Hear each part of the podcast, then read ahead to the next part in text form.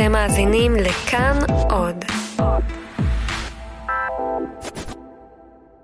הטיפ הכי חשוב זה תהיי רלוונטית. את יושבת בפגישה, אפילו אם את מפחדת הכי בעולם, תמצאי את המשפט, תמצאי את ההערה, תמצאי את השיחה, תמצאי את התרומה שלך לתוך הדיון, שאחר כך את יכולה להגיד, היה לי מה להגיד, יזכרו את זה.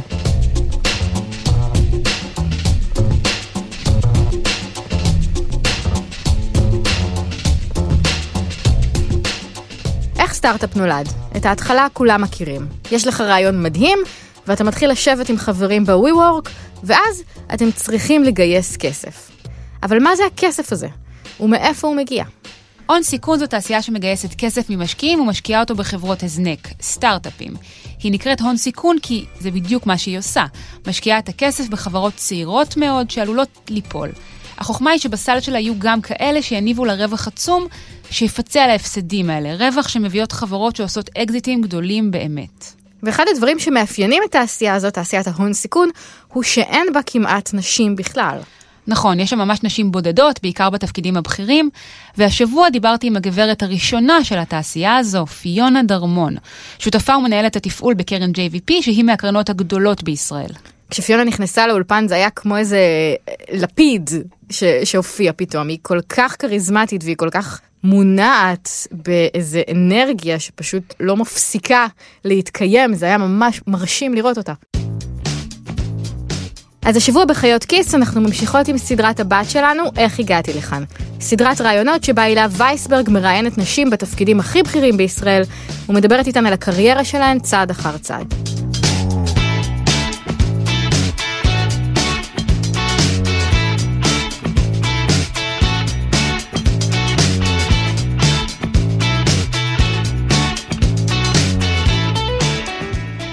אז אה, בוא נתחיל עם העבודה הראשונה שלך בעצם בקריירה, כשנכנסת לשוק העבודה.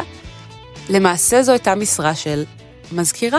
נכון, אז um, אני הייתי קצינה במודיעין ב-8200, וחזרתי מהחופשת שחרור, וקפצתי ליחידה להגיד להם שלום, להביא להם את המתנות שהבאתי להם מחו"ל, ומישהי שלפה מהפך פתק, שבדיוק איזה, יש, מישהו התקשר יום קודם, ושאל אם מישהי משתחררת, שידעו שיש שם בחורות um, עם ראש לא רע, מדברות אנגלית ועברית, ואם היא מעוניינת להיות מזכירה, עכשיו באמת, אני קצת טכנית, אבל לא, לא באמת היה מחשבים אז, אנחנו מדברים על 95.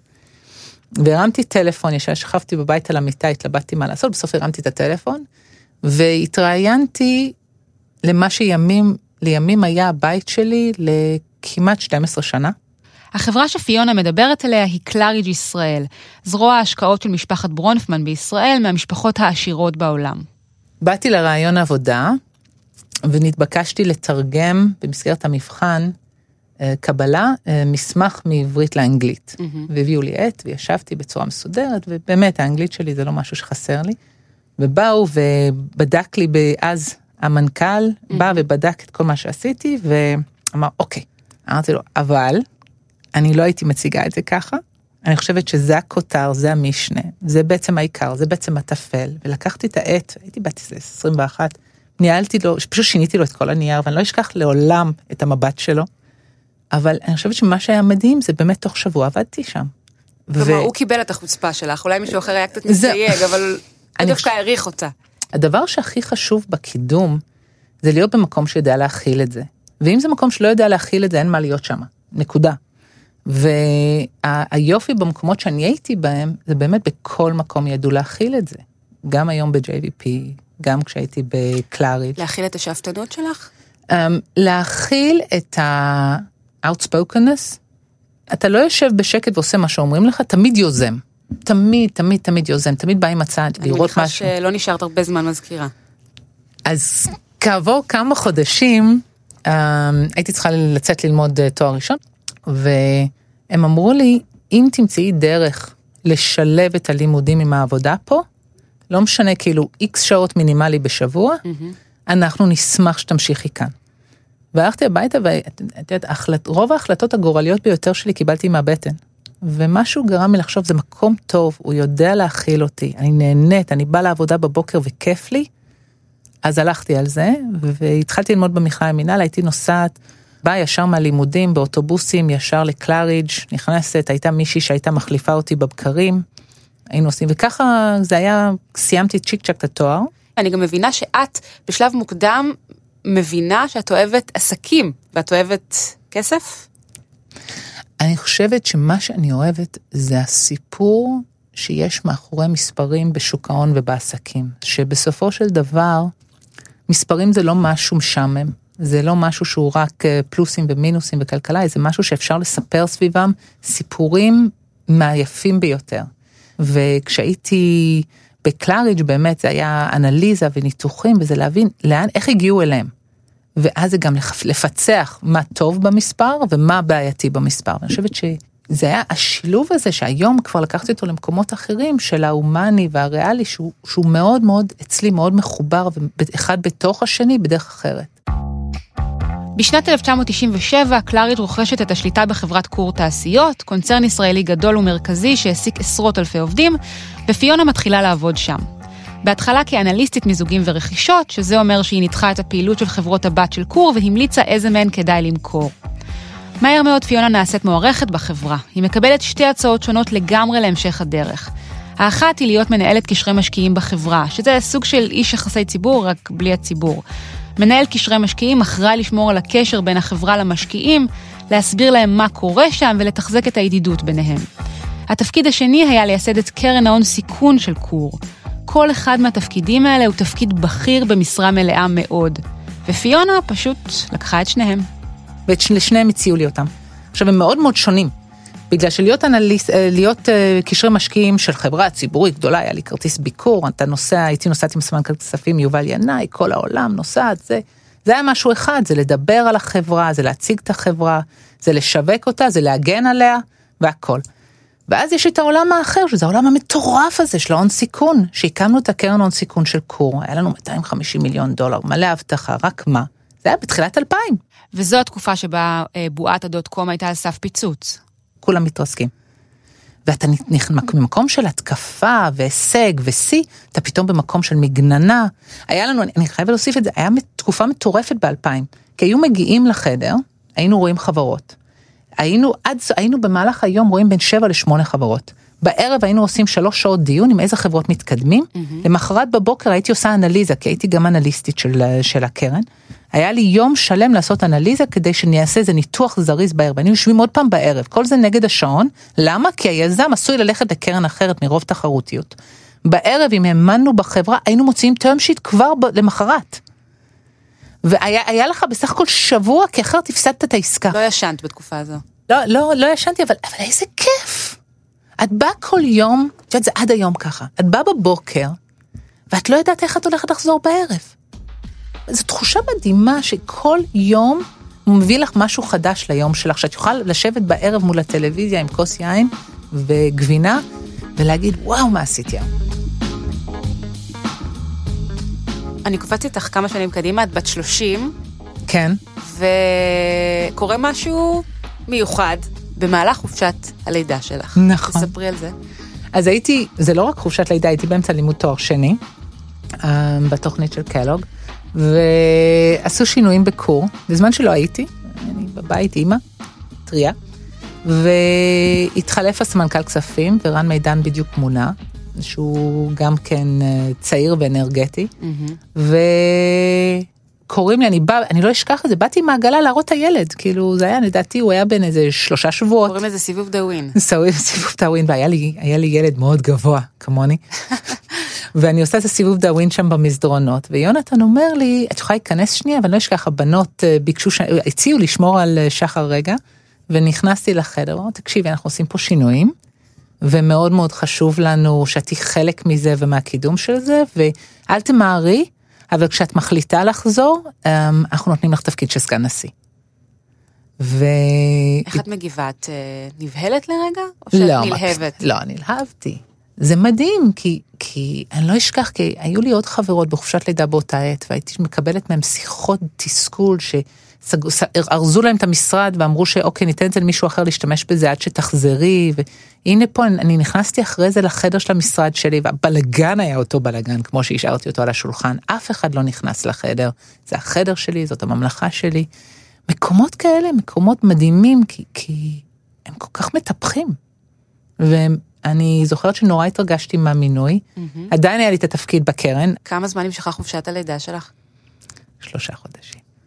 בתקופה היא הייתה פחות ביקורת חברתית, אמ, ההתעסקות תמיד הייתה בנושאים, סביב נושאים אחרים, אבל אמ, דאגתי לשחרתי, הייתה לו מטפלת, קרובה לבית, המרחק מהעבודה מהבית שלי הייתה בנסיעה בקושי 20 דקות, אז דווקא, זה היה דווקא נוח, אני לא אשכח, הייתי אמורה לעשות נסיעת עסקים בספטמבר 2005, אני לא אשכח את זה, ומתקשרת אליי המטפלת שלו, בקעה לו שם. פשוט הייתי בקעה לו בדרך, שן. בקעה לו שן, סליחה. בדרך לשדה נסעתי הביתה, הסתכלתי על השן, התרגשתי, חיבקתי, נשקתי וטסתי לחו"ל.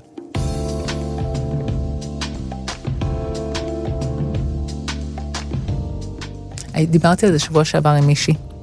הדמעות זולגות אמ, עדיין, ברגעים מאוד מדויקים. נגיד, אני לא אשכח, אמ, לפני כמה שנים חזרתי הביתה סופר מאוחר, חשוך, אני גרה בבית פרטי עם שביל יפה ודשא, ואני נכנסתי דרך הדשא, ואני רואה גירים על הסלעים שמצוירים עם המון המון פרצופים. עכשיו, אני בתוך ההיי של העבודה, ובאותו יום אירחנו איזה ראש מדינה, והכל מדהים. ברגע אחד אני רואה את הציור הזה ואני מבינה, קורה עולם שלם שאני לא חלק ממנה. ואני נכנסתי הביתה ופשוט נשקתי את הילדים, יש לי שניים היום, ושכבתי במיטה וכאילו הראש רץ. ואת לומדת שאת חייבת לסדר את המחשבות שלך אם את רוצה להמשיך, כי ה... את חייבת, האיזון, אני, יש לי המון המון שיחות על איזון, אני חושבת שאיזון זה מה שאני קובעת, ולא מה שהסביבה קובעת לי. זה האיזון שלך. זה האיזון שלי, וזה זה, זה, זה מאוד חשוב, זה, כי זה, זה לא רק שזה האיזון שלי, זה, זה לא האיזון של הסביבה. כשהיית כמו- סגנית נשיא, כמה שעות עבדת ביום? כשהיה לי את שחר כבר, זה היה נובע כל דבר משש בערב ועד חצות. צריך לעבוד קשה. זה לא... יש דיסוננס מטורף בין גיל 30 ל-40 אצל נשים. כי 30 עד 40 זה השנים שבן אדם ממוצע בונה את הקריירה שלו, ואצלנו האימהות זה גם השנים שהילדים צעירים. וזה, יש שלא יסכימו איתי, ואני מראש הולכת להגיד משהו נורא controversial, זה לא עובד ביחד. זה לא עובד בדרך המלך. כי כדי להתקדם צריך לעבוד קשה. זה לא קשור לגברים או נשים, פשוט עובדים קשה. צריך להתבלט, צריך להיות חלק ממהלכים, צריך להיות בשיח מההתחלה עד הסוף. ובמכאן יש התנגשות מאוד קשה, ולכן מה שדווקא חשוב פה, זה השיתוף פעולה של בן או בת הזוג. נקודה. כי אם זה מישהו שיודע להכיל, ושבבית יש מישהו שתומך, טוב לך, את מרגישה, את לא מרגישה את המצפון. זה מהווה buffer בינך לבין הסביבה.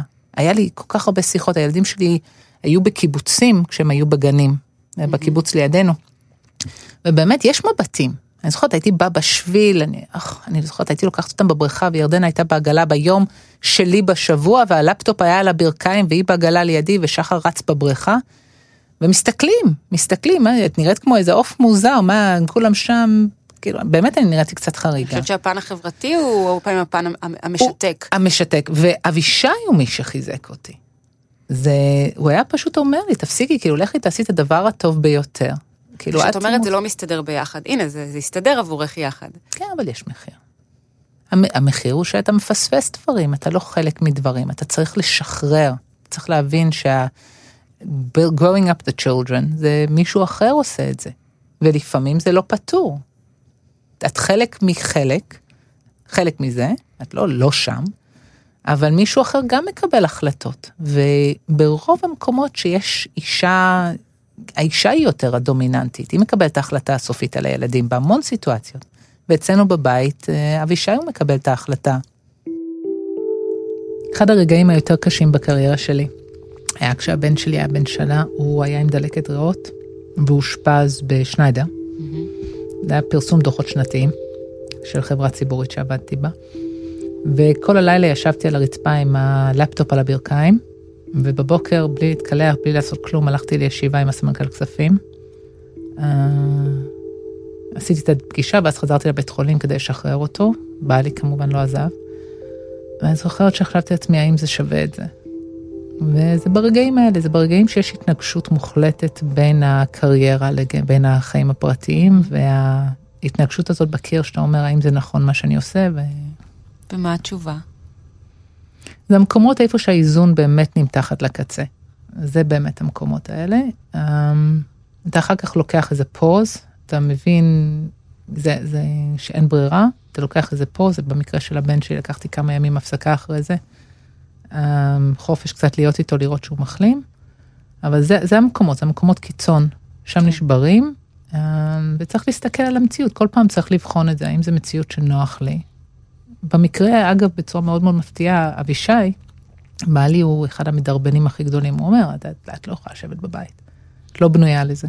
לא, לא חייבים לשבת בבית, את יודעת, יש את האמצע. במקרה שלי אין אמצע, זה אחד הדברים, אני בן אדם באמת של קיצון, אבא שלי כל הילדות שהיה אומר לי, אני בן אדם של קיצון, זה, כן. זה או שחור או לבן.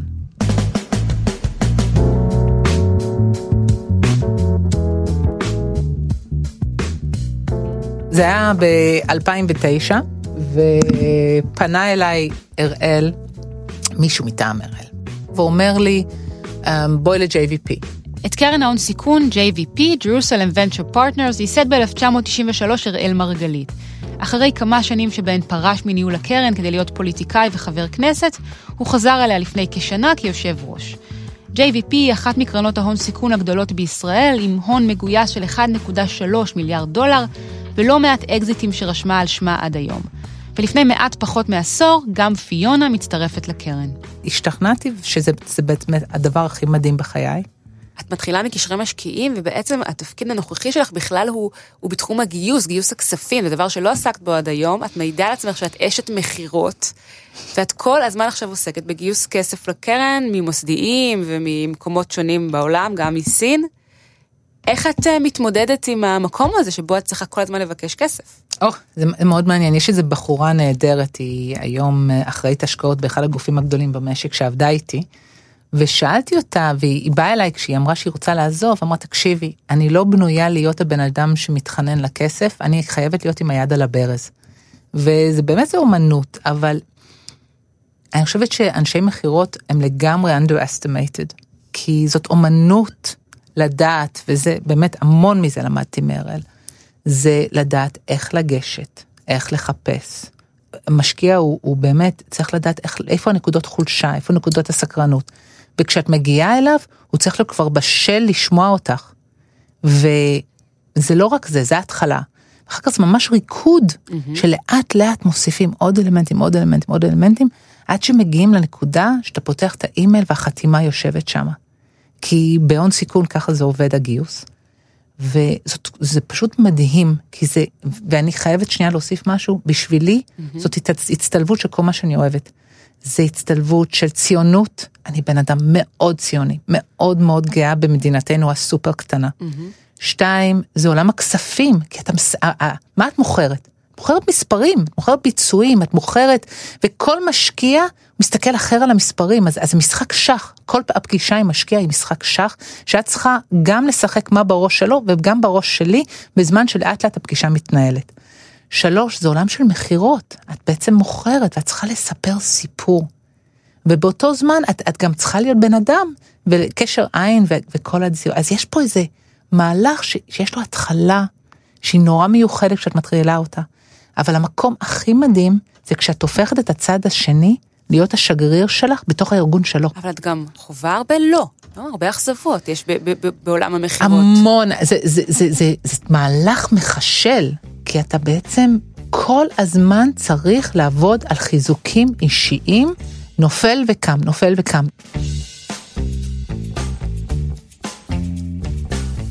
תעשיית ההייטק בישראל גברית ברובה. למה זה ככה לדעתך? זאת שאלה מעניינת, כי אני חושבת שיש הרבה מאוד אנשים שמנסים היום לפצח את זה. אחד הדברים שאני עושה, אני מנטורית בתוכנית של 8200, והנשים המדהימות שמנהלות את זה עשו ניתוח וגילו ש-50% מהחיילים ב-8200 הן נשים, mm-hmm. ו-50% מהקצינים הן בעצם קצינות, אפילו טיפה יותר. גם בממר"ם, שזו יחידת המחשבים של צה"ל? ממר"ם, מישהו אצלנו בצוות הוא מרצה בממר"ם, mm-hmm. ומעיד על כך שיש הרבה מאוד נשים, נערות, בשנים הראשונות, ועם הזמן זה ממש יורד בצורה מאוד מאוד מאוד דרמטית, עד שנכנסים לשנות הקבע, שבמקרה הטוב זה חד ספרתי באחוזים. אז מה קורה בפרק הזמן הזה? לאן הן הולכות ומדוע הן נעלמות ולא נוכחות מספיק? אני אלך שנייה לשאלה הזאת ממקום אחר בצורה יותר חדה. כשאחד הפעמים שהגעתי לסשנים של 8200 ודיברתי עם קהל קצת יותר רחב שהיה, שהייתה בצומת, נשים בצומת יותר בחייהן, ישר אחרי השחרור, הופתעתי uh, מהשאלות. כן. השאלות היו איך בדיוק הצלחת למצוא בן זוג עם המסע של הקריירה שלך. Um, מתי החלטת שאת רוצה לקחת הפסקה בשביל, בשביל עצמך? Mm-hmm. Um, המון שאלות על איזון, um, איך זה מסתדר. ואני חושבת שמה שמאוד הפתיע אותי זה החשש. החשש עם הדימוי של תעשיית ההייטק והתובענות של התעשייה זה הזאת. זה לא רק דימוי, לא? אם אתה עובד קשה, אתה משיג מטרות. מצאתי את עצמי בשיח, שהייתה עם נערה צעירה במשרד רואי חשבון בארץ, שמאוד מאוד התבאסה כשהייתה נכנסת לפגישות מלאות גברים, גם בצד שלה וגם בצד השני, אף אחד לא היה מתייחס אליה. כאילו היא הייתה יושבת עם העט, נכון, היא הייתה רושמת רישומים, אבל באמת היו מתייחסים אליה, היו אומרים לה לכי תביא את המים, לכי תביא את הקפה. אבל אני זוכרת שמה שאמרתי זה הדבר הכי חשוב בסיטואציה כזאת, אמ, זה לא לקחת על עצמך את התפקיד הזה, אלא להפוך את עצמך לרלוונטית. החשיבות, באמת הטיפ הכי חשוב שמתחבר גם לסיפור הזה ובכל מקום, זה תהיי רלוונטית. את יושבת בפגישה, mm-hmm. אפילו אם את מפחדת הכי בעולם, תמצאי את המשפט, תמצאי את ההערה, תמצאי את השיחה, תמצאי את התרומה שלך לתוך הדיון, שאחר כך את יכולה להגיד, היה לי מה להגיד, יזכרו את זה. אגב, זה גם לשלילה, אז לא כן. לפחד מהחוסר. אם לא תנסי, את לא תדעי. להתמודד עם הפחד.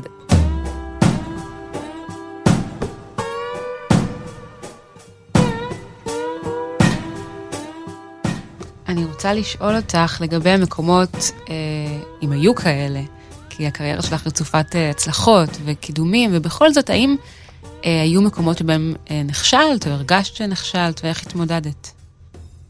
תמיד חשבתי שאני יכולה לעשות הכל, זה מין mindset כזה שאני חיה איתו. Um, שאם אני עובדת מספיק קשה אני אצליח.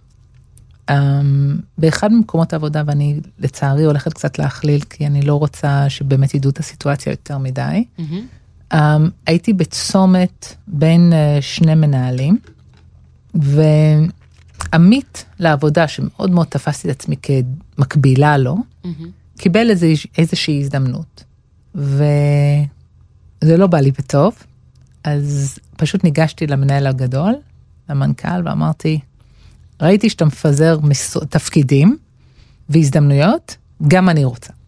אני זוכרת המנהל נשען אחורה על הכורסה שלו עם חיוך, אמר לי, אוקיי, ונתן לי אה, הזדמנות דומה שניתנה לבחור הזה בחברה אחרת. לא הצלחתי. לא הצלחתי לעשות את מה שהייתי צריכה לעשות, היה איזשהי תפקיד, אה, מה שהייתי צריכה לעשות עם החברה הזאת, הוא הצליח ואני לא. אז למדת לקבל אה, גם אי הצלחות לאורך הדרך? כן, אבל זה קשה לי. אחד הדברים שאני כל הזמן מקפידה להגיד בכל מקום שאני מוצאת עצמי, בעיקר עם נשים שאני רוצה לתת להם איזה טיפ סיום, וזה קצת מתחבר למה שאת אומרת פה, תמיד תהיי בן אדם שנותן ואל תהיי הבן אדם שלוקח. אני בהמון מקרים, בתוך הפגישה הראשונה, מקפידה להשאיר משהו שנתתי לצד השני. חיבור מסוים, המלצה על, על משהו, um, קשר למישהו שסופר רלוונטי להם, uh, טיפ שאחר כך מאוד ישרת אותם. כי ה-first impression הוא נורא קשה לשנות, הרושם הראשוני, ואם את בן אדם שנותן, אחר כך תמיד יש תחושה חיובית. זה בן אדם ש... שהביא לי משהו, לא לקח. כן. תודה רבה, פינה. תודה לך, הילה.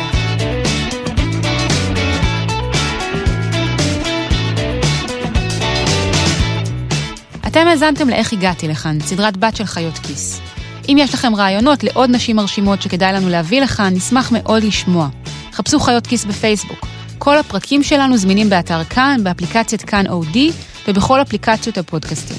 תודה לאורחים שלנו, צליל אברהם ורום אטיק, תודה לאסף רפפורט שאחראי על הסאונד. אני הילה וייסברג, ביי ביי.